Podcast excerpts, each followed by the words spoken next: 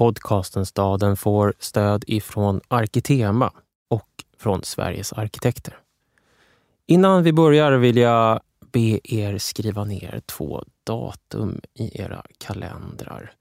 Den 31 augusti har vi vår andra live show i samarbete med Arkitema. Den här gången är vi i Göteborg och pratar om stadens 1970-tal. Och då kommer ni bland annat att få träffa musikerna Dan Söderqvist och Ingmar Ljungström, kanske mer känd som Carl Gasleben. De två skulle så småningom bilda bandet Twice a Man, men innan dess var de med i Älgarnas trädgård och Anna själv tredje, lite i utkanten av Göteborgs proggrörelse. Vi kommer också få träffa Gert Wingård som berättar om hur det var att börja som arkitekt i det tidiga postmodernismens Göteborg.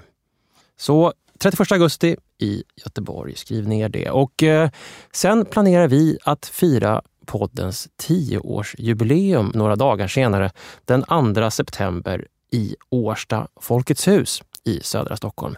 Håll utkik i våra sociala medier så får ni mer information om det. Nu kör vi!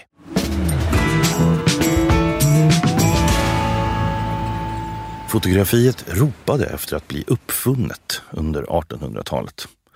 De europeiska städernas borgerlighet ville hitta sin plats i den nya staden, få syn på den, kunna porträtteras i den som kungar tidigare hade porträtterats i måleriet. Tidens realism inom konst och litteratur skapade en efterfrågan på verklighet. Mm. Till dess breda ändamål så uppfanns en apparat. Och det var i staden denna apparat kunde finna sin funktion. Mm. År 1838 fotograferade Louis Jacques Mande Daguerre den första människan på Boulevard du Temple i Paris. Det är en man som får skorna putsade och mm. därför står så pass stilla att han inte försvinner. Vilket alla andra gjorde som hade funnits på den där gatan. Hästdrosker och vandrare. Mm. Det här är också ett Paris som fångas före Osmans regleringar. Ett medeltida Paris som bara kommer att leva kvar på fotografierna. Ja, kameran, denna nya maskin, lär oss en ny visuell kod. Fotografier förändrar och ja, förstorar vår föreställning om vad som är värt att se på och vad vi har rätt att se på. Vi behöver inte längre vara konstnärer eller författare för att beskriva verkligheten. Och kanske är det mest intressanta med hela den fotografiska verksamheten att den ger oss känslan av att vi kan hålla hela världen i våra huvuden som en samling bilder. Att samla bilder är att samla världen, skriver Susanne Sontag. Men frågan kvarstår ju. Hur ska den här tekniken, denna maskin, bli till konst? Och svaret blir ju ögat. Ögat och beskärningen. Fotografiet har ju som bekant en utkant. I utkanten av Daguerres bild ser vi det gamla medeltida Paris. Han hade ju kunnat välja ett annat utsnitt, en annan berättelse, men han valde denna, förmodligen för att den var intressant för honom. Och Det blir just fotografen som får i uppgift att beskära världen åt oss. Så berättelsen om fotografin och staden är ju berättelsen om de sökarögon som har riktats mot staden. I det här avsnittet så ska vi följa stadsfotografiet som konst och som praxis. Ett fotografi som blixtbelyser orättvisor, som får i uppdrag av staten att skapa en berättelse om ett land. Ett fotografi som arkiverar det förflutna, som söker upp samtidens ansikten och som öppnar dörrar i den dolda staden. Det här är podcasten Staden. Jag heter Dan Hallemar. Och jag heter Håkan Forsell.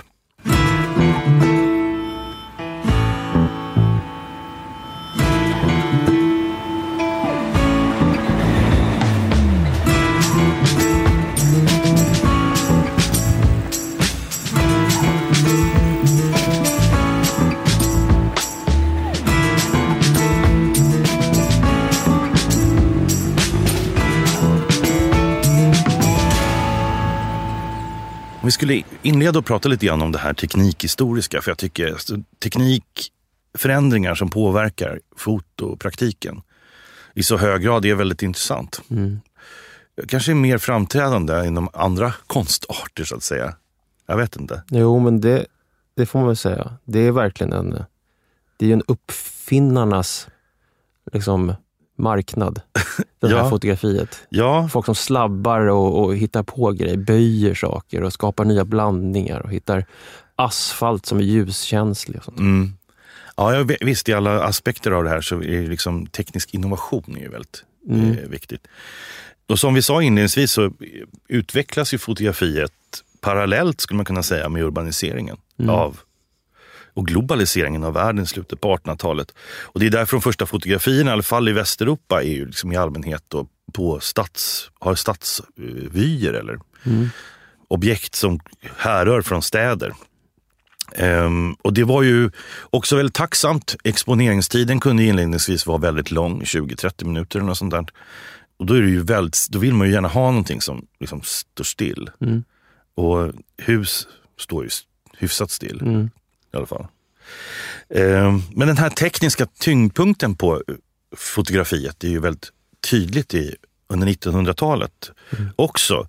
Helmer Bäckström som var lärare på KTH, han var den som först samlade ihop en mängd artiklar under 20 och 30-talet kring fotografi och eh, fotografiets historia. Han blev ju sedermera professor i fotografi 1948. Och det var ju utifrån då en naturvetenskaplig eh, tekniskt kunnande så att säga. Mm. Fotografiet benämndes ju tidigt som en mekanisk konst. Alltså att det var en konst som kunde imitera, men som var im- en imitation utan själsliga kvaliteter som det hette då. Det där tycker jag är intressant för att det skapar ju en karaktär som är fotografen i slutet av 1800-talet. Liksom när den amerikanska prästen Hannibal Goodwin liksom patenterar rullfilmen med ljuskänslig emulsion gjuten på lätt och böjlig celluloid. Alltså själva filmen. Och eh, George Eastman gör de första Kodak-kamerorna 1888 med tryck på knappen-teknik. Och där eh, i början så, så är ju fotografin någonting som... Eh, det är ett nytt modernt yrke. Mm. Det är inte en konstform. Nej. Jag har alltid tänkt på det där för man ibland säger så här, de sköna konsterna. Mm. Men jag förstår ju nu att det liksom finns en tradition av mekanisk konst. Ja. Som då inte ska ha det här hantverks, liksom det besjälade, liksom, unika. Precis. De är ju pionjärer. De känner ju verkligen att de är moderna pionjärer, de som har den här tekniken. Och Ja. jag tycker att det finns, en, det finns en person och en händelse som illustrerar det här pionjärskapet på ett sånt himla fint och tydligt sätt. Och Det var Oskar Haldin som eh, chartrade en luftballong år 1898. Och tillsammans med aeronauten kapten Setti så lyfter han över Stockholm eh, år 1898 med den här luftballongen för att fotografera staden uppifrån. Mm. Och eh, det har så drag av du vet, när Strindberg och gänget åker till, till Spetsbergen. Alltså det, han ger sig av upp över staden. Och så ska han luta sig ut och fotografera. Och för att inte korgen ska kantra så måste Setti hänga åt andra hållet. Men han måste också hålla eh, Haldin i fötterna så att han inte ska trilla över kanten. Och så hänger han ut och så tar han en fantastisk liksom, drönarbild över 800 meter över eh, Vasastaden. Och sen så flyger han ut från staden med sin ballong och så landar han i utkanten av Gnesta eh, på ett fält. Och då kommer lantbefolkningen, beskriver han, rusande ut ur stugorna mot den här ballongen. Det var liksom den moderna tiden som landade där på Ja, landet. ja. Och det är just den här känslan tror jag, som, som av pionjärskap, av teknisk pionjärskap som, Ja. som fotografiet liksom förmedlar. Och som just också inbjuder till att man måste våga lite, våga livet för denna, detta framsteg. Ja. Ja. det är ju... Usch, jag känner att det där är jag som är så jävla höjdrädd. Jag klarar knappt att få lyssna på det där. Men det är också intressant hur, det, hur de, det här pionjärskapet ändå relativt snabbt liksom får någon slags injektion av konstnärlighet. Alltså det sker ju redan i början på 1900-talet. Och fotografiet som en konstform där det finns namngivna enskilda fotografer. Det börjar komma skolbildningar. Mm. Det blir efterbildningar. Man kan liksom ta spjärn mot varandra och säga vilka, vilka olika typer av inriktningar man hör till är ju någonting som är ganska dominerande under 1900-talet. Mm. För att sen, skulle man nästan kunna säga nu, återigen ha vänt tillbaka till att bli en praktik eller en olika typer av praktiker där en stor del av mänskligheten ägnar sig åt att ta fotografier hela tiden i olika sammanhang. Mm. Eh, det tas bilder överallt. Det är liksom en integrerad del i att vara en modern människa är att också liksom avbilda sin tillvaro. Mm, det, att samla bilder är att samla världen, som mm. Sontag skriver. Det har ju aldrig varit liksom sannare än nu. Nej, verkligen inte. Men man kan ju också då undra vad det är för en slags konstform som växer fram. Och som jag uppfattar det så har den här den mekaniska konsten, den imiterande konsttraditionen av att se mm. på en apparat som avbildar världen, gjort att fotografiet har haft någon slags låg eh, värde. Att vem som helst ska kunna utföra den. Mm. Men en annan lite egen tes som jag har också, det är att just på grund av att den är så teknikförankrad och lite låg liksom, på det sättet. Det kräver inte några långa, i alla fall inte inledningsvis, några väldigt långa liksom, konstutbildningar Nej. för att kunna utföras. Så blir fotograferandet liksom en hobby. En mm. I tilltagande grad, grad en hobby. Också för att fotoapparaterna blir billigare. Som du säger, liksom, det kommer en mängd innovationer som gör att det är lättare att ta fotografier och bära mm. med sig en, en, en, en fotoapparat. Så under 40 och 50-talet så har du liksom en en ganska stor eh, amatörsektor av fotografer. Mm. Där det finns också fotografiska sällskap, eh, amatörfotografiska sällskap. Det är ofta en, en djupt maskulint kodad verksamhet. Mm. Jag skulle kunna nästan dra det ännu längre och säga att liksom det, är en, det är en manlig uppåtsträvande arbetarklass eller lägre medelklass som liksom kan ägna sig åt det här. Mm. Vi kommer sedermera prata lite med den tidigare DN-fotografen och journalisten Lars Epstein och han berättade för mig om att den här introduktionen till fotograferandet skedde inte sällan mellan, så här, från far till son eller en äldre bror till en yngre bror. För det här var en syssla som kunde vara teknisk, där komponenterna kunde uppgraderas. Det fanns liksom ett, eh, man kunde få cred för att vara en riktig tekniknörd. Eh, det finns en teknikoptimism också, att man mm. värderar delarna i en kamera. Så man kan prata om en, liksom man pratar om en motorcykel ungefär. Mm. Det var liksom apparaten som tog bättre eller sämre bilder. Mm. Och samtidigt så fanns det då det här konstnärliga. Men, det. Som är liksom lite mer, det är svårgripbart och lite efemärt mm. i förhållande till den här teknikvurmen. Jag tycker det där är, det är intressant för att det, det sker ju alltid naturligtvis när det kommer en ny teknik, mm. videokameran eller vad det nu är, så sker det ju någon sorts korrigering av det konstnärliga och liksom gestaltande landskapet. Mm. Eh, fotografer får ganska snabbt på 1900-talet en drivkraft att vara konstnärer. Mm. Piktoralismen, som det heter, dyker upp. Eh, vi har eh, Henry Goodwin i Sverige till exempel som tar sån här eh, nästan jugendliknande porträtt. Mm.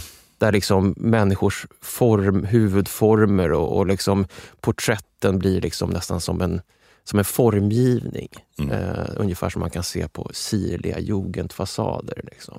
Eleganta kvinnor i klänningar eller uppburna män. med liksom, ja, alltså det, är, det är en sorts estetik som, som förhöjer Eh, och också att man börjar kanske sudda ner linsen lite grann mm. så det blir lite soft och lite... Alltså, så att det blir mer måleriskt egentligen. Man eftersträvar att bli målningar. Medan konsten i sin tur eh, uppfinner impressionismen för att bli mindre verklig mm. och skapa en en liksom subjektiv upplevelse av verkligheten där, där, där liksom verkligheten löses upp och blir liksom någonting som man bara kan känna eller uppleva på ett annat sätt än att bara se den. Mm. Så där ser man, liksom, och, och, och den här piktoralismen inom fotografi blir ganska snabbt då utmanad, inte minst då av, av säkert av de här liksom, unga eh, teknikpersonerna som mm. älskar den nya tekniken, som också kan vara kvinnor. En, en av de här intressantaste karaktärerna som jag tycker som illustrerar den här amatörismen, men också att alla har ett öga. Mm. Det är liksom det enda som behövs för att fotografera. Det var ju när man, när man upptäckte eh, den här eh, barnsköterskan Vivian Myers mm. efterlämnande fotografier. Just det. 150 000 negativ som ropades in på en auktion i, i Chicago som visade sig vara en skatt av bilder ifrån gatorna i Chicago och i New York där den här nannyn mm. hade gått omkring med en Rolleiflex på magen mm och en barnvagn i handen och fotograferat stadens eh, gator. Mm. Och intressant nog, liksom, ofta människor som tittar henne i ögonen mm. samtidigt som hon trycker av. Så att man ser liksom hur de tittar mot henne. Därför att hon tittar dem i ögonen? Ja. Hon, tittar inte, hon kan inte titta ner i kameran? Nej. För då blir det inte candid? Nej, liksom. precis. Det är den osynliga mm. fotografen på något sätt. Och där liksom träder en stad fram som, som eh, är en snapshot-stad, en osynlig, ett osynligt öga som, som, som porträtterar den här mm. staden. Och en verklighet verkligen, som inte alls är softad eller, eller jugendmässig, utan som Nej. är rakt på. Och Det där är intressant för att vad, vad den, här, den här tekniken gör är att den börjar hitta de här biotoperna i staden för sin, uh, sin dokumentation eller sin konstform. Mm. Där gatan är, gatan är ju liksom verkligen helt central till exempel. En annan av de här amerikanska fotograferna som det är också intressant att det är just det, att det är i USA som många av de här tidigare kommer fram. Ja. Både de som anses vara mer konstnärliga och de här amatörerna som har enorma kvaliteter just i sina ögon mm. och ögonkunnande. Mm. Liksom. Men jag tänker på en annan, om man återvänder lite grann till det här, eh, det här utbytet mellan konst och fotografi som mm. du var inne på. Mm. Jag tänker där på en annan fotograf som var utbildad eh, målare, mm. alltså utbildad konstnär. Och det är Saul Leiter som ofta brukar liksom benämnas som färgfotografiets pionjär på 50 och 60-talet. Mm. 50 och 60-talets gatufotografi hade ju liksom redan etablerat en form av norm av att de här fotografierna skulle vara svartvita. Mm. Men han, var, han använde tidigt färgfilm och hans eh, bilder återupptäcktes långt senare. Men trots att han har den här, det är, det är som att han målar, det är, de är väldigt måleriska dessa mm. bilder. Så var Leiter själv alltså fullständigt besatt av fotoapparater. Han hade hundratals och kunde skaffa nya hela tiden. Och gärna helt billiga, så här pocketkameror, liksom Instagmatic, turistkameror på tågstationer. Det var liksom som att han sökte efter en väl dold hemlighet som liksom fotografiets gud hade gömt inne i vilken skitkamera som helst. Mm. Och jag tror att det där är en av de där kvaliteterna som är helt nödvändig för de bästa stadsfotograferna tycker jag. Det är att bilden ska kunna vara plåtad med en apparat som kostade 10 dollar på en loppis. Mm. Det är just den här förmågan att stjäla någonting ur tiden och liksom mm. gestalta det. Liksom mm. få visa på ens observationsförmåga och liksom göra världen lite större. Mm. Men fanns det då, kan man ju fråga sig, för fotografiet några förebilder? Alltså det här är en, hel, är en ny uppfinning. Mm. Finns det några förebilder för att fotografiet skulle bli skön konst och inte bara mekanisk konst? Mm. Eh, för själva fotografiet kan ju anses vara så chockerande nytt där det dyker upp. Att det är sprunget ur vad som är tekniskt möjligt. Mm. Och som vi sa inledningsvis, flera starka samhällsbehov av realism. Eh, men att man sen då fick hitta på sina egna traditioner. Ehm, jag läste en artikel av konsthistorikern Marta Edling eh, som finns i en väldigt tung, på alla sätt, bok eh, som heter Fotografihistorier som kom ut här om året på Natur och kultur.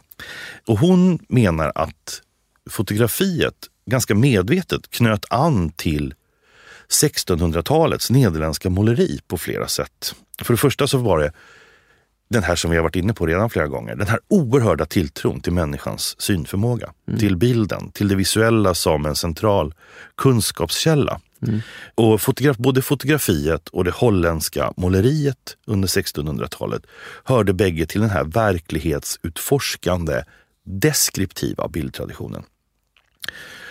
Det var det första. Och för det andra så finns det även i det holländska måleriet en förkärlek till optiska förvrängningar. Alltså att, det, att se verkligheten genom slipat glas, genom linser, genom fönster. Mm. Flera av Vermeers bilder har ju liksom optiska förskjutningar i sig. Sådär. Ehm, och det är ju, jag menar Amsterdam under den här tiden är ju liksom en, ett centrum för just det, slipade glas, eh, kikare, glasögon, mm. allt möjligt sånt. Ehm, och det intressanta är ju liksom där i 1600-talets Amsterdam och 1800-talets Paris. Alltså här har vi två städer som, fick, som representerar liksom någon slags besläktade bildtraditioner. Och det är bägge platser för urban kulturs blomstring. Mm. De är väldigt säregna för sina epoker. Amsterdam, den tidiga, eh, tidigmoderna koloniala erfarenheten, Paris, industrialismen, borgerskapet, tekniska innovationsfasen. Där man liksom får det här enorma behovet av att liksom kunna, kunna avbilda någonting mm. på, ett, på ett kunskapsrikt sätt. Men det är det där som jag tycker far genom hela fotografiets historia. Att den hela tiden drivs på ett sätt gör väl all konst det, men fotografiet har ju sitt sanningskrav på något sätt. Eller den, den drivs att upptäcka världen, att på något sätt belysa den, upplysa mm. den. Och där är såna här stora skiften då mm. i liksom en stad. När en stad liksom återföds eller omgestaltas. Mm. Och Det kommer vi återkomma till flera gånger, att då, blir, då tar man upp kameran. Ja. För att Exakt. förstå ja. vad det är som händer. Ja. Och där tror jag att den är oslagbar. Det finns något impulsmässigt i, i man använder den. Det är liksom ett knapptryck. Mm. Och sen har nutiden blivit historia.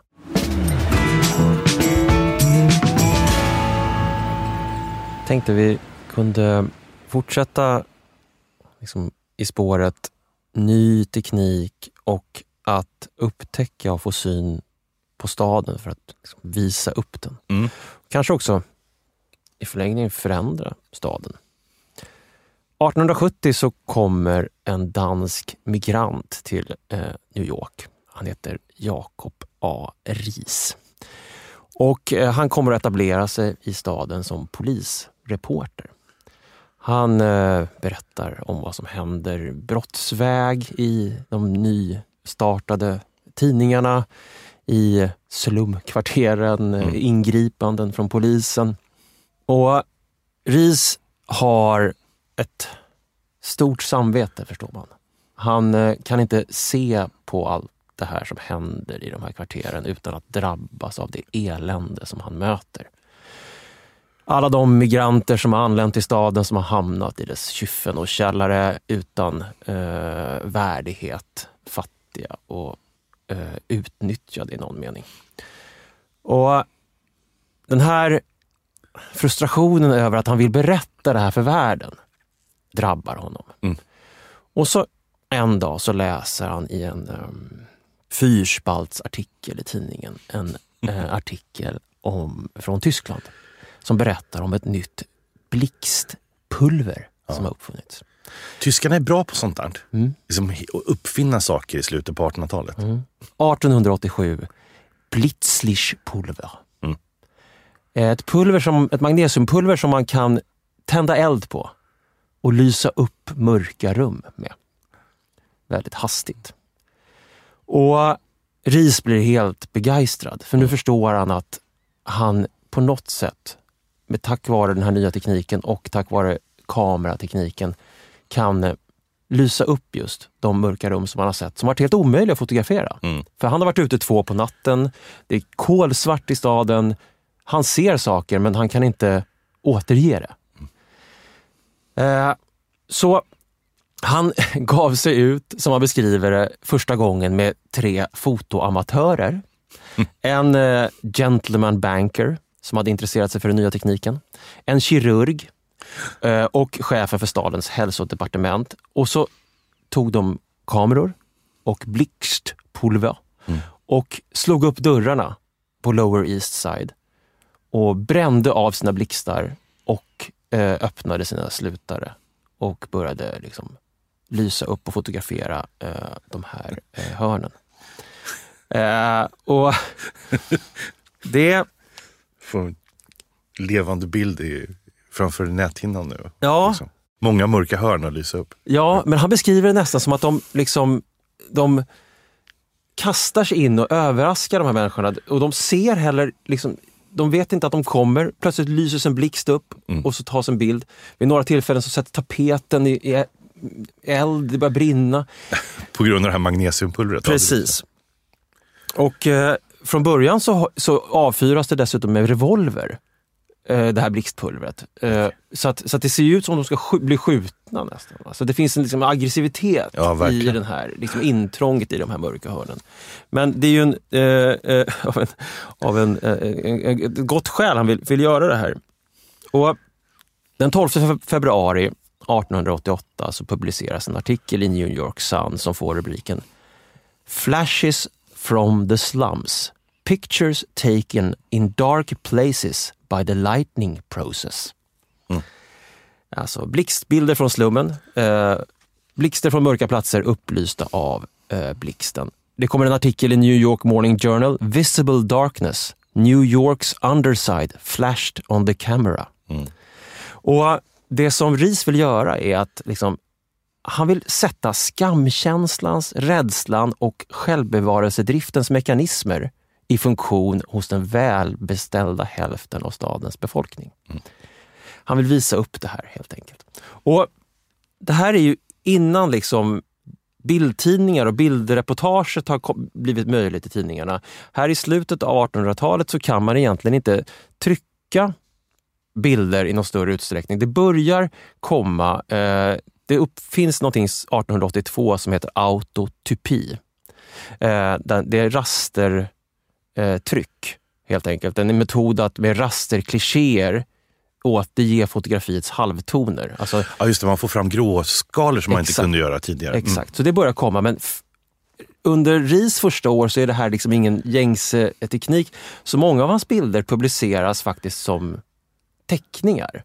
Alltså, Ah, man, man, man gör liksom tryck, grafiska tryck eller teckningar som målar av, eller som tecknar av hans bilder. Så att eh, det står liksom after photo och så är det en, en tecknad bild. Så att den här, men så småningom så dyker den här rasterfunktionen upp och han kan då verkligen, och det, det är ju när bilderna kommer, Mm. de verkliga bilderna som, som det verkligen slår an. Och om jag ska beskriva någon av de här bilderna, det finns en som heter Five Center Spot. Det är så här lodgings på Bayard Street eh, där man köper en säng för natten. Är det För- på Manhattan eller? Ja, Lower East Side. Mm. För fem cent köper man en säng. Och där har blixten bränts av rakt in i en sån här lodging där man ser sex personer inklämda på kanske 10 kvadratmeter under filtar, slutna ögon och någon sitter och sover. En risig kamin, eh, säckar som hänger från väggarna, kepsarna som är upphängda, de trasiga kläderna, eh, skorna, på, alltså alla, man ligger på golvet, det är skitigt, det är smutsigt. Så här skriver han när han föreläser, han börjar föreläsa också i kyrkor. Så här. Kom med mig när de stenlagda gatorna är som glödande ugnar. Se mödrarna som vandrar fram och tillbaka med, med sina små ungar och hör deras svaga skrin. Alltså, det är, det är, han tecknar ju en, en, en dystopi. Mm. Och 1890 så ger han ut en bok och den får titeln How the other half lives. Mm. Alltså hur den andra hälften Mm. lever. Mm. Och eh, där han liksom exponerar den urbana fattigdomen. Det här är ju, den där boken är ju en riktig klassiker Ja. och eh, har ju liksom på något sätt eh, nästan uppfunnit en helt ny genre också inom samhällsvetenskapen. Mm. Alltså det är ju de, den, den tidiga urbansociologin eh, slöt ju ris till sitt bröst om man säger så. Mm. Det fanns ju liksom en sån otrolig eh, där- social reformatorisk kraft Ja. i de här publicerade bilderna som Ja. kom. Vilket deras eh, redan påbörjade studier inte kunde riktigt nå i form av genomslag. Nej, här kommer tekniken verkligen till liksom sociologins undsättning. Och det här är ju fotografen som i någon mening sociolog. Mm, exakt. Eh, och det, det får ju också följder. Alltså det, det, det skapar förändring. Det tillsätts en ny kommission eh, 1894, eh, Tenement House Commission, som ska studera förhållanden i de här hyreshusen. Som ledde fram till en lag som förbjöd utnyttjande av bakgårdar till slumbebyggelse, hyresreformer 1879, 1887, 1895, 1901. Man började bygga parker eller planera för parker på södra Manhattan. Bowling Green, Shannon Park, City Hall Park. Det, det, det, det är en sorts reformation av stadens liksom, eh, fysiska form som blir resultatet av, av den här starka blixtbelysta eh, verkligheten och känslan av att, att det finns en annan hälft av befolkningen som, som, som, som, som lever på det här sättet. Och en ytterligare en sån politiskt fascinerande liksom, parabel som, som, som skjuter in här, som jag inte kände till, som jag tyckte var otroligt intressant. Det var att Theodore Roosevelt arbetade i New York vid den här tiden. Den blivande reformator, presidenten som skulle liksom förvandla och göra the new deal och försöka skapa det nya Amerika. Inom polisväsendet i New York. Och eh, kom i kontakt med Rees av förklarliga skäl. Och vid flera tillfällen så tog Rees med Roosevelt på nattliga vandringar i New York-slummen. Och eh, 1895 till exempel. Efter att ha bytt till lämpligare kläder efter en officiell middagsbjudning begav sig Roosevelt tillsammans med Rees in i miljöer som politiker annars inte besökte frivilligt. Och eh, de blev goda vänner. När Rees dör 1914 så skriver Roosevelt Jag sörjer mer än jag kan uttrycka. Jacob Rees var en av de män som genom sina skrifter mest bidrog till att höja nivån av osjälviskhet, oegennytta, av sunt och gott medborgarskap i detta land. Så att Roosevelt får tillsammans med många andra syn på liksom det här framåtsträvande demokratiska landets misslyckande. Ett Amerika som liksom inte tar hand om sina svaga. Ett Amerika som sviker hälften av befolkningen. Så att det är egentligen, jag tänker att liksom när the new deal dyker upp, Roosevelts liksom plan för, för att förändra eh, och liksom investera offentliga resurser för att bygga saker, skapa saker i, stad, i, i, i landet som ska hjälpa folk ur fattigdomen, särskilt lantarbetare som inte kan försörja sig på sin mark längre och som har börjat söka sig in till städerna. Så, så finns det här i bakgrunden. Jag tänker att det måste ju vara en tradition i sådana fall. Som, för jag, I New Deal så finns ju också den här, fortsatt den här socialt medvetna fotografiet kvar. Fast det, fast det har utvecklats mer, som, det- där man då inte framförallt kanske tittar på där det inte bara är ett utskott av liksom ett, en polisfotografs intresse för urbana miljöer, utan just för de eh, internt migrerande lantarbetarna och eh, änkor och ensamstående med många barn. Och, många av de här riktigt kända fotografierna har ju sin ursprung i ja, faktiskt fotoprojekt som stammar ur New Deal. Ja, det finns så klassiska foton, 30-talsfoton ifrån liksom den här, eh, det här föränderliga Amerika. Walker Evans, eh, Dorothea Lang som ger sig ut i Alabama, Georgia, Louisiana, South Carolina, fotar timmerkyrkor, gator, butiker eh, och det du beskriver, människor som rör sig bort därifrån eller som försöker överleva. Ja, det är ju Och- med liksom tiden för the great migration också, så att det är ju liksom väldigt många som rörs då. Exakt. Kanske det- framförallt från sydstaterna upp till norr, norra in, de industri, eh, delstaterna. Ja, eller västerut som, Eller i, västerut. som i Vredens druvor. Ja, där han liksom, i inledningen till Vredens druvor, vinden strök över jorden, rev loss dammet och bar det med sig och himlen förmörkades. Den hårda skorpan revs upp och dammet lyftes och drev iväg och stod som grå rökar över fälten. Alltså det här, det här the barren land som inte Mm. kan bära människorna längre. Men grejen är precis som du säger, det, de här fotografierna som tas av det här på 30-talet, av Dorothea Lang, av Walker Evans, det är Roosevelt som har talat om att de ska göra det. Och han har tagit hjälp av en sociolog, Mm. eh, Roy Stryker, som blir en del av the Farm Security Administration. Ett projekt mellan 1935 och 1939 där de skickar ut fotografer för att visa upp Amerika för amerikaner. Och det som då eh, Roosevelt har förstått och som han kanske lärde sig av Rees, är att eh, alltså han har förstått fotografiets makt som berättare. Det. hur den kan berätta någonting om en nation, vilka vi är. Och det finns en otrolig drivkraft här i Amerika under 20-talet för att hitta en gemensam historia, en berättelse. Uh, Walt Whitman skriver Leaves of Grass och försöker beskriva att liksom, det här är landet som, som, vi, som vi befolkar. Och under den här tiden när liksom folk omlokaliseras och, och migrerar så, så, vill de liksom, eh, eh illustrera det här, eller dokumentera det här. Så att, så att de här fotografierna man ser, eh, många av de här dokum dokumentära fotografierna från olika delar av USA under 30-talet, de har liksom någon slags upp, de har liksom en uppgiftsagenda. Ja. De är inte bara ögat som iakttar någonting utan det finns liksom en, eh, ett, ett formulär att fylla i för att skapa gemenskap. Verkligen. Eh, de uppfinner ju en sorts apropå det vi pratade om förut, att fotografin försöker vara konstnärlig, att den mm. försöker kanske softa linserna, kanske vara lite som sådär. Eh, så, så de, de skapar en stil som de kallar för straight photography, eller pure photography, alltså ren, direkt, mm. pang på. Eh, någonting som inte ska hämta någon teknik, ingen komposition, ingen idé som kommer från någon annan konstform. okay. Utan som är fotografins konst. Den är rakt på. Mm. Och när man, det var någon som, som, som, som, skulle beskriva Walker Evans formspråk till exempel, ömma grymheten. Det är liksom en, en eh, det finns en idé om att fotografiet är en skalpell som liksom mm. tydligt visar, alltså som inte talar om någon, vad som är vackert eller fult. Mm. Den visar upp det som, som, som man ser. Uh, och den, den innehåller ibland människor, ibland inte människor. Men den, om man ska beskriva vad, han, vad Walker Evans bilder visar så, så finns det lite olika varianter på det naturligtvis. Men, men eh, inte sällan så kan det vara en ganska rakt på bild av en eh, samling skyltar på en, eh, på en fasad till exempel.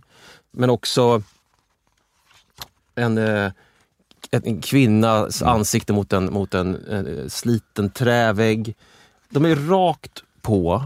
Det är inte rätt mycket hus. Det är liksom eh, ofta eh, mer eller mindre ruckel. Men när han tar miljöbilder så, så befinner sig de där husen gärna i närheten av industrier så man ser sammanhangen. När han själv ger ut sina eh, foton i den bok som heter American Photographs eh, som kommer eh, 1938. Då är han noga med att det är en berättelse i bilder. Mm. Man ska alltså se läsaren i, eh, från sida till sida. Det är bara bilder på högersidan.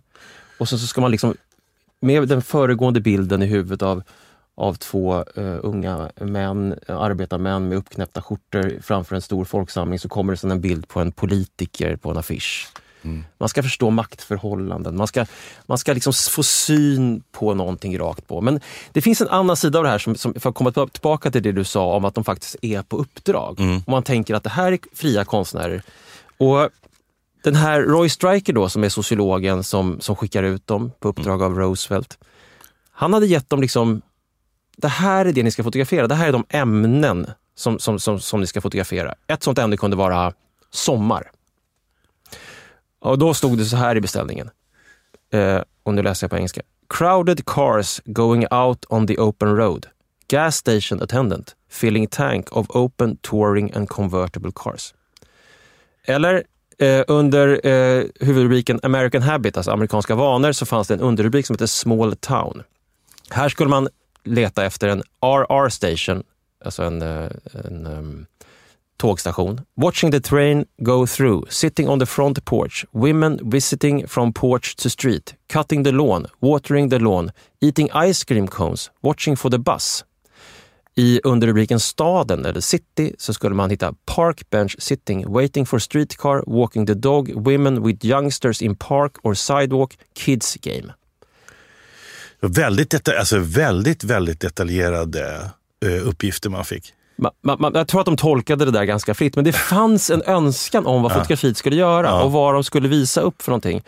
Och eh, det där, det blir en sorts propaganda mm. ju, i mm. någon mening. Men, men tittar man på Evans eller även på Dorothea Langs bilder så, så, så, så ja, verkligheten såg inte riktigt ut som, som, som kanske eh, de hade hoppats. Det, det, det, är ett betydligt fattigare och ja. mer slitet Amerika eh, som, som, som, visas upp eh, på något sätt. Men det är, det är ändå en...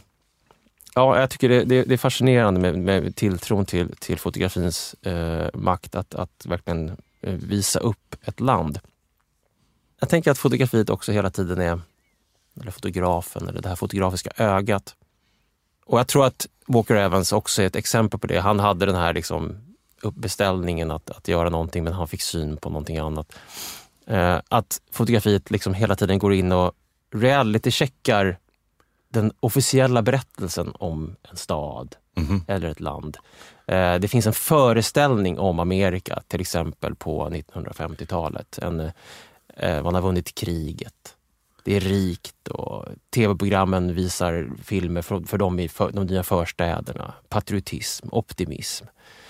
Och då dyker det upp en sån annan karaktär, en sån fotokaraktär som jag mm. tycker är så himla spännande i den amerikanska historien som heter Robert Frank. Eh, också som, som, som RIS eh, från Europa med judisk bakgrund. Eh, och eh, han kommer med sin Leica och börjar fotografera ett helt annat Amerika än det här stolta, patriotiska förstads-Amerika. Eh, och unga, arga, svarta män, eh, sura sydstatsdamer, eh, alienation, segregation, bitterhet, missnöje, konflikter. En av, de mest, en av hans mest kända bilder är av en, en buss, en segregerad buss, mm. där de vita sitter fram och de svarta sitter mm, bak, mm. tagen rakt på. Och Intressant nog så skriver Jack Kerouac faktiskt förordet till den här boken. Eh, Jack Kerouac, On the Road, mm, liksom mm. beatnik-poeten som liksom ger sig ut för att upptäcka ett annat Amerika i efterkrigstidens liksom lite mätta land. Och han eh, skriver så här. Alla som inte gillar de här bilderna gillar inte poesi. Alla som inte gillar poesi kan gå hem och se TV med stor, cowboyar med stora hattar som uppskattas av snälla hästar. Men Robert Frank, schweizaren, diskret, trevlig med den där lilla kameran som han lyfter och bränner av med en hand samtidigt som han suger ett ledsamt poem rakt ut ur Amerika in på film tar plats som en av de tragiska poeterna i den här världen. Mm en längtan efter en, en ny bild av, av, mm. av det här landet. Eh, Roosevelt har etablerat en bild, kriget har etablerat en bild, så kommer en fotograf och mm. blir så här sann igen. Mm. Som man kan bli mm. som fotograf. För att det går inte att... Du kan skriva böcker, du kan, mm. men fotot står där och stirrar på dig på något sätt. Jag tycker det är, det är intressant hur, hur den gör det. Och Robert Frank fick mig att tänka på en, på en svensk fotograf mm. som för mig gjorde någonting liknande eh, på 1990-talet. Nämligen Lars Thunbjörk. Mm. Han gav ut den här boken Landet utom sig. Eh, Just det. De, svart, de här färgbilderna. Ja. Som jag förstod så tog han, han, han gjorde det där projektet eh, Eh, återigen är det här viktigt vilken teknik och vad man väljer för slags liksom, medium inom fotografiet också. Ja. Att han gjorde projektet först som svartvita bilder. Mm. Men kände inte igen vad han såg när han liksom framkallade dem utan var tvungen att göra om projektet som en färg som ett färgfotoprojekt. Ja. Och intressant nog så väljer han att använda blixt mm. när han fotar de här bilderna. Och blixten lyser ju inte bara upp partier som annars skulle vara i skugga, utan den gör ju också att färger liksom poppar upp. Särskilt den, särskilt den röda färgen. Mm. Jag tror att de flesta kanske ser det här framför sig. Det kan vara eh, någon eh, äldre person som åker rutschkana, en Kalles Kaviar eh, rutschkana eller rycker i en sån här tomatketchupspene utanför någon, eh, mm. något köpcentrum ja. eller något liknande. Eller står i entrén till Ullared med en stor stek i famnen. Eller, ja, det, det, det är en sorts blixtbelyst land som på något sätt där i början av 90-talet efter folkhemmet, efter socialdemokratin liksom slet i sina förtöjningar. Liksom. De grälla färgerna, de valhänta konsumenterna, de liksom märkliga markanvändningarna, mm. sommarlanden, eh, knallelanden. Eh, Jag tror många får liksom en viss form av ångest av att titta på de där bilderna. Det, jag, jag uppfattade dem som att, eh, första gången jag såg dem, som att de var satiriska. Mm.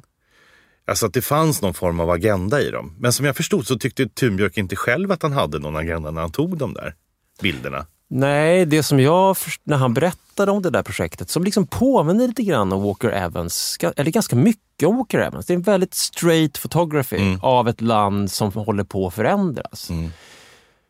Men eh, han var ju själv, Thunbjörk var ju själv så här arbetarklass från Borås och han beskrev det som att jag fotograferade bara det som mina, de som jag växte upp med gjorde nu på 90-talet. Mm. Eh, Jag fotograferade deras liv. Det var ingen satir, det var ingen utblick ifrån någon eh, fin liksom, eh, tidskriftsredaktion i någon storstad, utan det här var mina grannar. Mm. Och det här var vad de gjorde på sommaren. Eh, och det, det var... Eh, han kanske liksom kunde slås av det.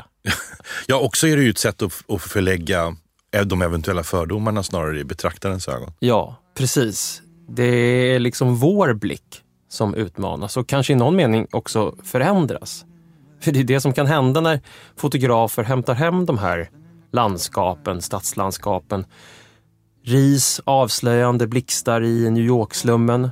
Walker Evans och Dorothy Langs skalpellsakliga Amerikaporträtt. Robert Franks uppriktiga poesi och Lars Thunbjörks grälla, utspridda stad. Det går inte att se de här platserna till slut utan att ha deras blick med sig. Och fotografiet förändrar ju på så sätt hur vi ser på staden. Got a one way ticket to the promised land. In your belly and a gun in your hand. Sleeping on a pillow of solid rock. Breathing in the city aqueduct. The highway is alive tonight. The way it's headed, everybody knows. I'm sitting down here waiting on the ghost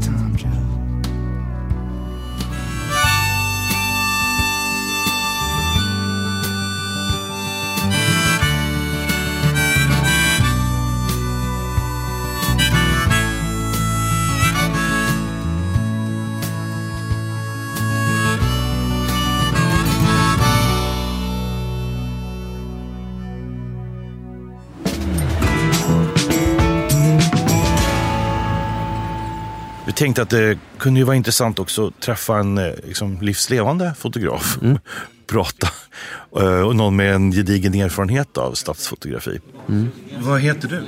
Hej, jag heter Lars Epstein. Och du är fotograf? Det kan man väl säga att jag är. Jag har jobbat som både fotograf och journalist på DN i typ 35 år. Sista 25 åren som fotograf faktiskt. Började som eh, skrivande journalist efter när man hade gått ut eh, Journalisthögskolan någon gång i tiden. 73. Ja, vi satt på restaurang Kvarnen eh, i Stockholm och käkade lunch och det var ganska bullrig miljö där så att jag kan inte ta med väldigt mycket av själva intervjun. Kan återberätta lite grann av vad vi sa.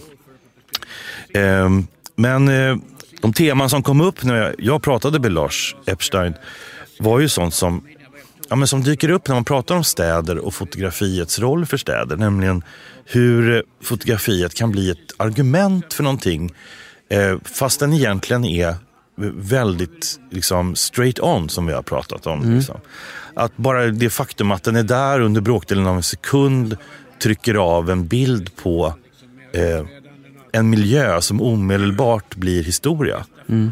Och hur det här fotografiet kan användas eller vara ett vittne för, för förändring. Eller för orätt, uppfattade orättvisor eller för någonting som, som bör bevaras eller någonting som har funnits där. Utan att själv vara liksom, utan att fotografiet själv argumenterar för någonting. När det gäller Lars Epstein så är det ju tydligt i fotoböcker han har gett ut, till exempel nu senast då Epsteins Stockholm, att han är mer intresserad av människorna i staden än av kanske husen och, och gatorna. Och så. Han, han, där är han ju, han är, jag tycker han är så, han, han är så himla nära. Om man har, om man har levt i Stockholm och läst lokaltidningarna eh, de senaste 40 åren så, så är han liksom, hans öga är liksom överallt och fotograferar och upptäcker. Och jag, jag tänkte att han har, eh, det finns en sak som, som, som just Walker Evans sa om sina snapshots på 20-talet. Jag gick ut på gatorna för att utbilda mitt öga för att ge ögat näring som det behöver. Det hungriga ögat. Mitt öga var hungrigt. Ja. Eh, och det tycker jag, det känner man med, med Lars Epstein tycker jag. Hans öga är hungrigt efter människor och efter relationer. Och där tänker jag att han också är som en del i en så här, den moderna stadens skildrare. Liksom, från som, som har gått ut på gatan och, och, och hungrat efter den här moderna staden.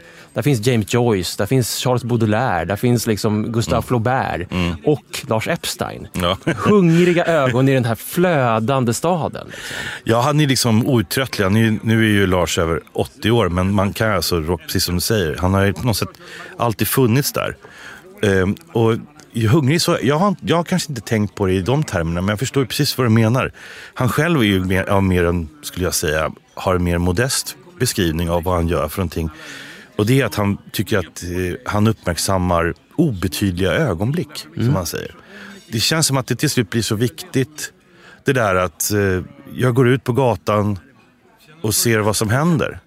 Att det nästan är någon form av etik. Det blir som en slags livshållning. Det där att varje ögonblick är någon slags gåva. Eh, och jag är, ute, jag är ute och fiskar i, vårt samtal och frågar sådär. Och så till slut så blir du väl belönad då genom att du liksom befinner dig på rätt ställe och kan fotografera det som är värt något. Sådär. Men ah, han är inte så imponerad av den där tolkningen. Det är liksom... Man kan bli belönad och man kan inte bli belönad. Och det, man håller på, man, man går runt på stan. Man är en del av stan. Man är ögonen på stan ändå. Ehm, och ehm, jag frågade honom lite grann om det där, hur det är liksom, att just vara de där ögonen som vandrar runt. För det blir ju så när man har jobbat i så jävla många år. Så, så får man ju lite annan syn på det. Man har sett så många andra fotografer. Man ser saker och ting som kanske... Så är det som att du har liksom en, en term, liksom en slags eh, en, en slags uppsättning genrer eller i huvudet så och tänker att Alltså, inte så här skulle jag kunna få den här typen av bild. Att du känner det innan du har tagit bilden. Eller? Man triggas liksom av olika situationer och liksom placerar sig på ett sätt. Aldrig rädd för att kliva rakt in i händelsernas centrum så att säga. Cartier-Bresson pratar ju om det the decisive moment, det avgörande ögonblicket. Att det finns, det finns inget före, det finns inget efter, utan det är just det avgörande ögonblicket, säger, sa han, eller hade han som någon slags uh, motto. Va? Ett tema som jag och Lars uppehöll oss vid ett tag, det är ju naturligtvis i vilken tradition som, som han fotograferar, men också vilken fototradition som har funnits och som man inte kan komma förbi när det gäller till exempel Stockholm eh, under 1900-talet. Och då står ju Lennart av Petersens framförallt som en liksom, portalfigur. Han är ju någon, han är ju någon form av arkivbildare för vårt sätt att se på stadsförändring framförallt under de dramatiska rivningarna eh, under 50 och 60-talet. Lennart av Petersens, det är också en intressant aspekt. Han inledde ju sin karriär som museifotograf, som objektsfotograf. Och var verksam bland annat på Nordiska museet, fotograferade textilier. Och uppenbarligen var inte steget allt för långt ändå till att liksom bli eh, en stadsdokumentär fotograf när han började jobba för Stockholms stadsmuseum. Ehm, och här är det ju tydligt att man att vittnesbörden av eh, af Petersens bilder på Stockholm är så ohyggligt starka. Utan den här dokumentationen så är det ju knappt så att det har hänt. Det måste, har inte- ja, man vet inte om det har hänt ifall man inte kan gå tillbaka och titta på dessa eh, bilder. Eh, och um, Lars Epstein reflekterade lite grann över det där också. Hur man då på 60-talet såg på rivningarna och vad som, hur man relaterade det till det förflutnas bilder. Men när jag, när jag gick omkring och plåtade på 60-talet, alltså, då hade jag väl ingen... Alltså man var mest förvirrad. Och, vad är det som händer? Det var ju den allmänna inställningen på den tiden. Vad gör de för någonting? varför har de gjort så här? Varför är det så stora grov? Alltså man... Det var ingenting man kunde påverka utan det var bara hände liksom, kändes det som. Och det, så, det, det, det fanns ju en debatt. Det fanns, Per-Anders Fogelström var ju en av de som debatterade. Kanske rädda Mariaberget och sådär. Och det här tycker jag också är intressant, för det är ju som att det finns alltså inte några referenser riktigt till de här förändringarna. Det finns inget att förhålla sig till. Allt är liksom inkapslat i ett nu under 50 och 60-talet. Det är liksom ödesbestämt. Det måste hända eh, just för att det hände. Och hur, idag skulle man ju se det på ett helt annat sätt. Att den historiska miljön är just närvarande. Den är ständigt närvarande. Och det beror ju framförallt på att vi har alla dessa fotografier och bilder. Eh, hur tillgängliga de är, hur vi kan jämföra. Det finns liksom en... Stadsfotografiet har på det sättet idag eh, blivit integrerat i vårt sätt att se på stadsmiljöer. Ehm, och också naturligtvis kan man åkalla de här bilderna för att protestera mot någonting som förändras till exempel. Ja, men det är ju en hel genre inom eh, Mm. Fotoböcker och Instagramkonton att visa så här såg det ut när Lennart af Petersens Mm. gick runt i Stockholm och så här ser det ut idag. Mm. Ibland är det likt, ibland är det väldigt olikt. Mm. Men jag tänker att det där att liksom ge fotografer i uppdrag. Vi har kommit, pratade ju om det när det gällde Roosevelt, men även Napoleon den tredje och baron Osman i Paris på 1850-talet gav ju fotografer i uppdrag att dokumentera det Paris som höll på att försvinna när man skulle göra om allting. Mm. För de var ju inte dummare än att de förstod att det fanns ett värde i att minnas det som hade varit, det. även om de ville riva ner det. Ja. Så att eh, man börjar ju anställa eh, fotografer för att dokumentera detta. En första heter Charles Marville, eller Charles Marville kanske. Mm. Och den mest kända är ju Eugène Atché som eh, liksom under 30 års tid från 1840 års tid, 1880-talet fram till 1920-talet liksom vandrar runt i Paris och liksom fångar det som höll på att försvinna i den moderna, moderna staden på spaning efter en, en tid som flytt eh, för att liksom Parisgatan, den tomma scenen, fasaderna från seklerna som har passerat. Mm. Eh, och Atché är ju en sån här, liksom, jag är helt säker på att Lennart Petersens har liksom sett Atché och, och liksom på något sätt... eh, Ja, jag läste faktiskt om det där att det, han, är, han både hade naturligtvis tagit intryck av Atché men kanske ännu hellre hade blivit liknad och tyckte om den liknelsen vid eh, Charles Merville. Mhm. Kallade honom själv för Kalle Marville. alltså att, liksom, att han tyckte det fanns någonting väldigt... eh, Han, när han blev uppmärksammad på att han utförde ungefär samma- syssla tyckte han att det var någonting oerhört inspirerande. Ja. Det där är ju den melankoliska kärnan i fotografiet som ju till exempel Roland Barthes har skrivit om i Det ljusa rummet. Där han skriver om döden, han ser en bild Mm. på sin mor och när han ser ett fotografi på henne så ser han också liksom, att hon är dödlig. Mm. Hon finns inte längre. Det Mm. finns bara kvar ett fotografi av henne. Just det. Men det där gäller ju även gatufotografiet. Det finns hela tiden en melankolisk känsla av ett försvinnande, Mm. en förlust, någonting som, som, som inte finns kvar. Och det, där, det är det som gör fotografiet, liksom, eller ofta gör bra fotografier, så, så starka. Liksom. En sorts sorg över någonting som, som försvinner. ja. Men också någon sorts alltså att se saker som... som eh, Men jag tycker det är bra att försöka sätta det där i ord, för ibland så är det just bara en känsla. mm, Eh, det finns ju en fotojournalist som heter Kurt eh, Bergengren som har skrivit en text om just Lennart av Petersens som berör väldigt mycket den här, eh, den här känslan av sorg och förgänglighet som du pratar om nu. Jag tycker att han har skrivit väldigt träffande om det. Att, eh, och det gäller just eh, af Petersens bilder ifrån Klara i Stockholm, men också på Östermalm, ett ganska slitet och förfallet Östermalm under 50 och 60-talet. Eh, men som helt klart är en borgerlig miljö som inte finns i den aspekten längre. Nämligen att det är miljöer och hem som tas på bar gärning.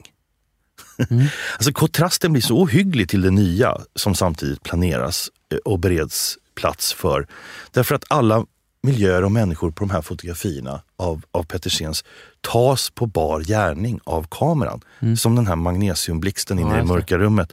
Och visar att de tillhör en mycket äldre tid än vad man kanske tror. De är liksom tillhör 1800-talet snarare än en fantastisk samtid. Helt plötsligt så står de där på 50-talet med sina vagnmakerier och viktualiebodar och lysoljebutiker. Till och med den här dalkarsbostaden som af Petersens hittar vid Hötorget som ännu 1953 rymmer fyra karar som varje år reser ner till storstaden för att bära ved och piska mattor. Där sitter de nu och äter saltströmming vid ett bord med en fotogenlampa. Mm. Och så växer Hötorgs city upp. Så liksom, växer next- Riksgropen och Hötorg City precis bredvid dem. I en stor stad måste flera epoker vara närvarande samtidigt. Och fotografiet på något sätt hjälper oss att förstå det. Och när inte det är så längre så känner vi sorg. Mm.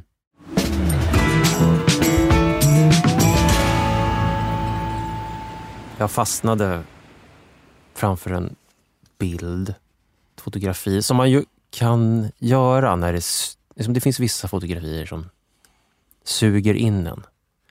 Jag tror eh, Roland Barth i sin bok då, som vi nämnde tidigare pratade om punktum. Mm. Det finns någonting i en bild som drar en in. Mm. Man vet inte alltid riktigt vad det är. Det kan vara en känsla, det kan vara ett objekt, det kan vara någonting förlorat, det kan vara en dalkar på en bakgård. Det kan, någonting suger in en i just den här bilden. Det här är en bild som på två pojkar som står och håller varandra i handen i en mörk skog. Men ljuset faller över deras ansikten. De är välkammade. De har små ulljackor som är knäppta. De har präktiga kängor. Eh, de tittar liksom rakt in i kameran med sina pojkblickar. De har en så fruktansvärd närvaro. De är allvarliga liksom, men det är inte ett porträttfotografi sådär som man kan tänka sig att familjen har tagit. Man förstår att det här är någonting större än så. Det är någon som samlar in de här pojkarna. De ser att det här är någonting som är utanför Mm. dem. Och det finns ett drama i det här fotografiet som fångar mig. Under bilden så står det bara Bröder Westerwald 1918. Och det här fotot är tagen av August Sander. En eh, tysk eh, fotograf som bestämde sig för att börja samla in världen i form av porträtt av människor.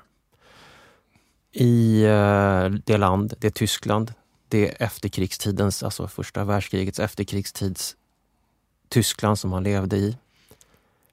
Han började samla på kategorier. Eh, han sökte liksom ett absolut fotografi för att rama in olika klasser, olika yrken. Han kallade projektet Människor på 1900-talet. Han samlade in bilder i liksom sju sektioner i sin vetenskapliga liksom, fotografiska undersökning av sin samtid. Bonden, den skickliga handelsmannen, kvinnan, klasser och yrken, konstnären, staden Mm. och de sista människorna. Det låter helt nietzscheanskt. De sista människorna tror jag vi ska förstå som de sista av sitt slag. Okej. De som inte kommer att finnas när den moderna världen, alltså yrken eller, eller olika egenskaper, eller någon som, så säga, inte, som, som är utdöende Mm. typ. Okej. Mm. Och, för han vill visa en sorts strukturell förändring som speglas i människorna. Det är ett, ett samhälle som förändras väldigt snabbt. Vi har varit inne på den här tiden som kanske är en högtidstid för fotografiet just av den anledningen. 20-talet, 30-talet. Och det är ett målmedvetet samlande. Han söker någon sorts sanning men utan påser. Jag kan ta ett annat exempel. Han fotograferar en man på Bismarckstrasse i Köln 1926. Det är en man som står i en lång rock, ser lite kallt ut, han har handskar på sig, han har en litet plommonstop, en fluga, tittar allvarligt rakt in i kameran, rakt på i en stadsmiljö i Köln med sekelskifteshus bakom honom, folktomma gator. Och så står det under Painter eh, 1926. Det är alltså en målare. Eller en konstnär då. Och eh, så där, så där pågår de här bilderna. Boxare, eh, konditor, revolutionärer. Mm. Tre män som sitter ihopkrupna lite kutrygga på en trappa. Eh, gasmän, män som levererar gas. En eh, kompositör och hans fru. En sopran. Arkitektens fru sitter lite halvt bortvänd från kameran med en stram parsfrisyr. Det är intressant att, det just, att det arkitektens fru är en kategori. Ja, under, kate- under huvudkategorin kvinnor då. Okej. Mm. eh, tillsammans med sekreteraren. Eh, och Det som är som intressant med det här är att det finns, det finns liksom ingenting som är dolt här på något vis. Det finns ingenting han ska avslöja. Utan han bara, här är de här människorna. Det finns inget mysterium. Det finns inget avslöjande. Det är bara en samling av, av samhällets mångfald av personer Mm. som får vara sig själva bara. De står där, de där pojkarna. Ska leva sina... Jag vet inte, jag drabbas av det där liksom att de, eh, vi finns tillsammans. Det finns något väldigt... Det finns någon... eh, Alltså till skillnad från den här idén om att samla ett land och ha en idé om att ett land är Mm. det här landet, det här är Amerika, det här är Sverige. Så är det bara en massa människor som går till jobbet Mm. som står i, håller varandra i handen, Mm. som ser rakt in i kameran och bara Mm. är människor. Mm. Och det, det, det, det är fascinerande just att det är ett sånt vetenskapligt uppdelat projekt. Det finns liksom en, en, en sorts, liksom, det finns ett ark liksom med ordning, men samtidigt så är det alla de här individerna. Och inte helt oväntat då så kommer det här eh, som de här fotografierna att bli eh, liksom förbjudna under när nazisterna tar över. Mm. De visar liksom inte det här enhetliga. Mm. De visar inte det. Plåtarna, de här originalplåtarna förstörs. Det här är liksom subversiv fotografi. Mm. Eh. Utan att själv egentligen kanske mena att vara subversiv. Nej, bara genom att, som eh, Sander själv säger, liksom helt enkelt. Att se, att observera och att tänka. Mm. Det, är, det är liksom det han använder de här bilderna Mm. Mm. för att förstå, att tänka. Och ingenting mer än det. Men det som Det, jag tänker, det, det, alltså, det här eh, inspirationen som han har skickat ändå till fotografikonsten har ju varit ganska omfattande. Just av alla de här skälen som du nämner nu. Eh, det finns en samtida fotograf som heter eh, Renike Dijkstra. Hon är en holländsk fotograf som har också varit väldigt inspirerad av Sander. Och liksom också har den här, den här till synes avsiktslösa skild, liksom, eh, porträtteringen av samtidens människor. Hon är ju, har väl försökt att hitta liksom andra kategorier och är ofta intresserad av, eh, av människor som befinner sig liksom precis i gränslandet mellan att vara barn och vara vuxna. Sådär. Men även yrkesroller som militärer eller, eller författare eller så. Och Ja, men det är intressant att se hur, hur den här inställningen till att registrera samtidens människor i, i lite så kategoriska termer, men med en stor humanism och människokärlek i botten, det känner man ju också. Liksom en, ny, en genuin nyfikenhet inför människan. Ja. Hur den i sig är tidlös. Att man kan liksom fortfarande göra sådana projekt och de är väldigt spännande att titta på idag. Ja, men jag tänker också apropå relationen till, till staden och samhället. Och precis som du beskrev de här sillätande dalkarlarna. Det är ett sätt att fota dem i sin miljö, där de är i staden. Men så, om man lyfter ut dem som, som Sander gör, eller som Dijkstra gör, eller som också mm, den eh, svenska fotografen som jobbar samtida som Sander, Jonna Linder, som också har så fantastiska fotografier av, av... Att lyfta ut dem ur sina miljöer delvis, att göra dem bara till människor i den här staden, att representanter, det ger en annan Verkligen. En annan känsla för staden. verkligen. Mm. Vad den består av, vad det, s- en, en byggsten i staden som jag tycker lite grann frigör en ifrån den här, kanske frigör en delvis lite grann från den här nostalgin och förlusten som, som mer ger en känsla av handlingskraft och livskraft och mänsklig närvaro. Hur vi alla skulle kunna fotograferas på det här sättet idag.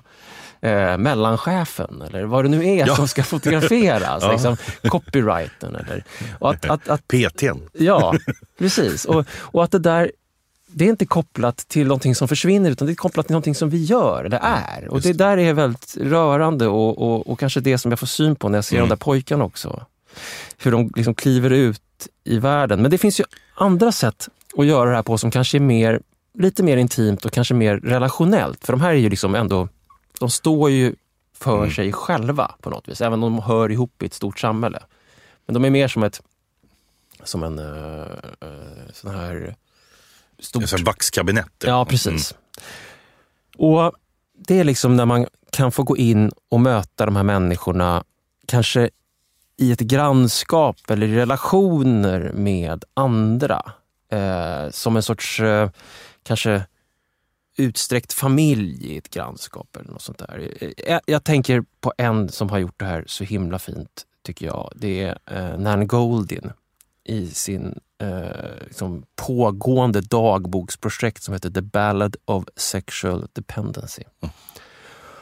Och Goldin, då, Nad Goldin som växer upp i ett konservativt Boston, kommer till New York på 70-talet, slutet av 70-talet, in på 1980-talet till ett New York som är fritt och öppet, som släpper in henne och är liksom en, en ganska fattig stad och enkel stad. Precis, jag tänkte säga det. Det är ju ändå i den tiden då liksom New York faktiskt var på väg att gå bankrutt. Och det var en, en stad som eh, kanske inte mådde helt bra. Nej. I, nej. Precis, men som hade plats Mm. för liksom de som ville kanske lämna just det konservativa Amerika och ta sig in i den där staden och uttrycka sig själva på något sätt. Och hon dedikerar sin bok till minnet av hennes syster som då tog livet av sig där i Boston eh, när Nan var 11 år. Och hennes syster var den här utlevande liksom, kvinnan, en arg, en sexuell individ liksom, som, som var farlig i Boston och, och därför liksom, bestämde sig att, att hon inte kunde leva vidare för det fanns ingen plats för henne. Nan hittar sin plats i, eh, i New York. Och om man bläddrar igenom den här boken så är det rätt mycket som ett blixtbelyst, dunkelt, eh, upplyst grannskap. De flesta bilderna är tagna inomhus. Det är stökiga sängar där folk har somnat eller ska somna eller har duschat eh, och sitter på sängkanten i någon morgonrock, ligger och sover i någon skrällig 80-talssoffa i guldklänning efter någon fest medan tvn spelar någon sorts film i bakgrunden. Det, det är liksom, det är könsorgan och kroppar och tatueringar och droger och eh, man spelar Monopol, man dansar. Så här säger hon, jag vill uppleva allt utan begränsningar. Jag vill vara kontrollerad och okontrollerad. Dagboken är ett sätt att hålla kontroll. Det låter mig att, som besatt, dokumentera varje detalj. Det gör så att jag kan minnas. Och en, genom de här bilderna så liksom eh, kommer den här staden, den här relationella staden, det här New York, emot den. Liksom. Mm. Man, man blir en del av den. Man bjuds in i de här rummen. Det är ju en, det är en enorm genomströmning av människor. Ja, Alltså det är som att liksom halva Manhattan är på väg igenom hennes sovrum Ja. och stannar upp och sätter sig på sängen. Och blir därmed också en del i hennes imaginära familj Mm. på något sätt. och man känner att det luktar. Mm. Det, det, man, alltså det, det är enorm fysisk närvaro. Det finns liksom ingen försköning. Och jag tycker det var intressant för att man tänker så här att fotografi är ett så här ljusets konstform. Alltså faller in ljus. Mm. Det är ändå det som är själva idén med fotofilmen, att den är ljuskänslig. Den, den tekniska delen. Ja.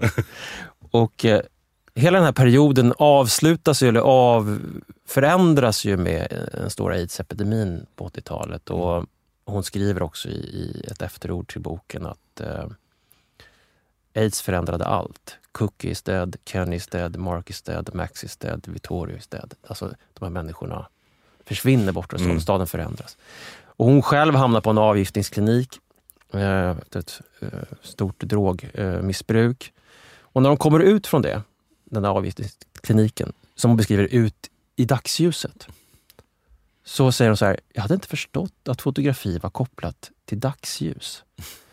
Jag hade alltid trott att befintligt ljus betydde den röda glödlampan i en bar efter stängning. Mm. Men jag tänker så här att det som både Sander gjorde Mm. och eh, Nan eh, gjorde i New York eh, är någonting som också är liksom fotografiets ganska unika konst. Och det är liksom att det kan vara ett eh, universellt gångbart språk att eh, fotografera samtiden. Mm. Och försöka liksom hitta det som utmärker samtiden. Oavsett i liksom vilka övriga kontexter som man befinner sig i. För att fotografiet liksom rymmer sina egna sammanhang. Och eh, Som till exempel bara det här med ljuset som du nämnde. Det här gulaktiga inomhusljuset ifrån neonlampor eller liksom hallar och sådär. Är en förklaring i sig själv i vilket sammanhang de här människorna lever. Mm.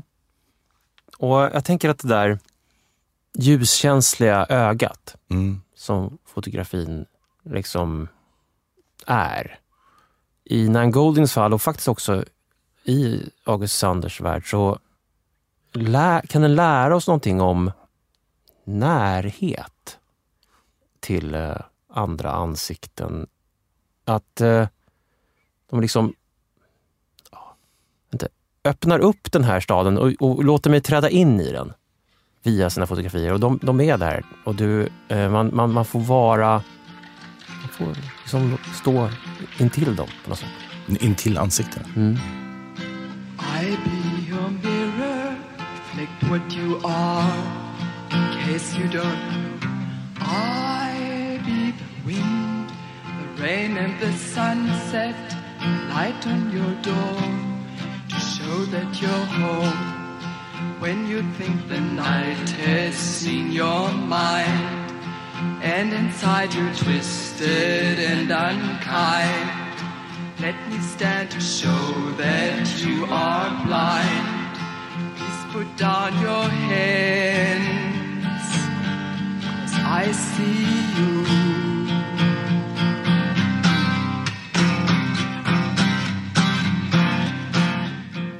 För att ni har lyssnat på podcasten Stadens avsnitt om fotografi och städer.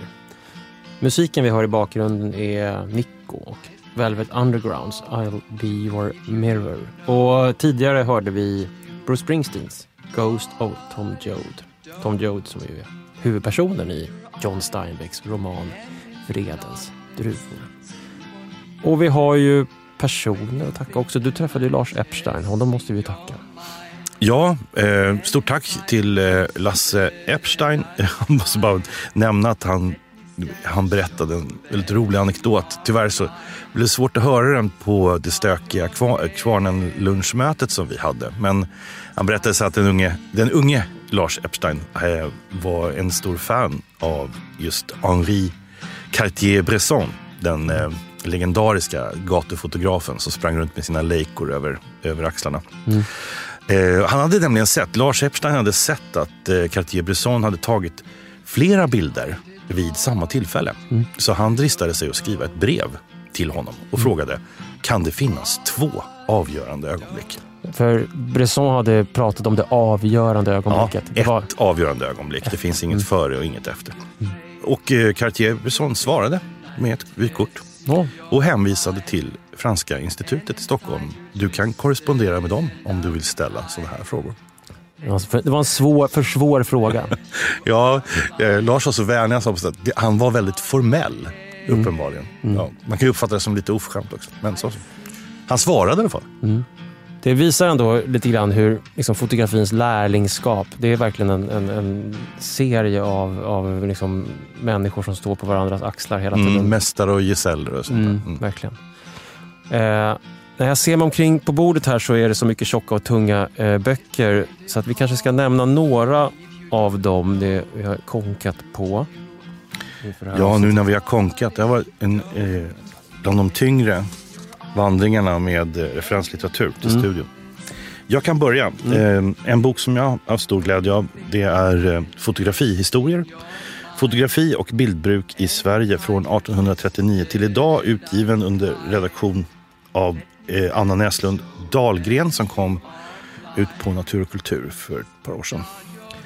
Eh, jag måste naturligtvis nämna Susan Sontags bok om fotografi Mm. eh, som är väldigt rik och lite kärv uppgörelse med fotografihistorien. Mm. Hon, inte, hon älskar inte allt kan man inte säga. Hon har sina åsikter och det är roligt.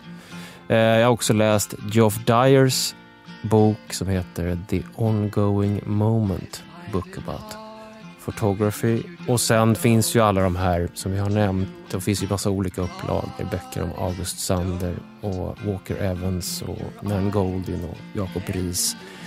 Så att det är bara att ge sig in på sitt lokala bibliotek eh, och låna någon av dem. Podcasten Staden får stöd från Arkitema och ifrån Sveriges arkitekter. Och hör gärna av er till oss med tips och tankar kring vad vi borde göra avsnitt om eller det som vi har pratat om. Vi fick flera bra tips faktiskt när det gällde eh, just fotografer eh, som vi eh, skulle titta närmare på. Det var många som, som hade många favoriter. Johannes Samuelsson var en av de som ledde oss till Nan Goldin bland annat. Tack för det. Ni når oss alltid på de sociala medierna lättast. Vi heter Staden Podcast på Instagram, Twitter och på Facebook. Och vi har också en ny städad, nyuppgraderad hemsida med enkla sökfunktioner där man kan hitta alla våra gamla avsnitt.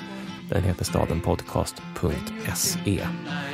Podcasten Staden produceras av Beppo ljudproduktion. Tack för att ni lyssnade.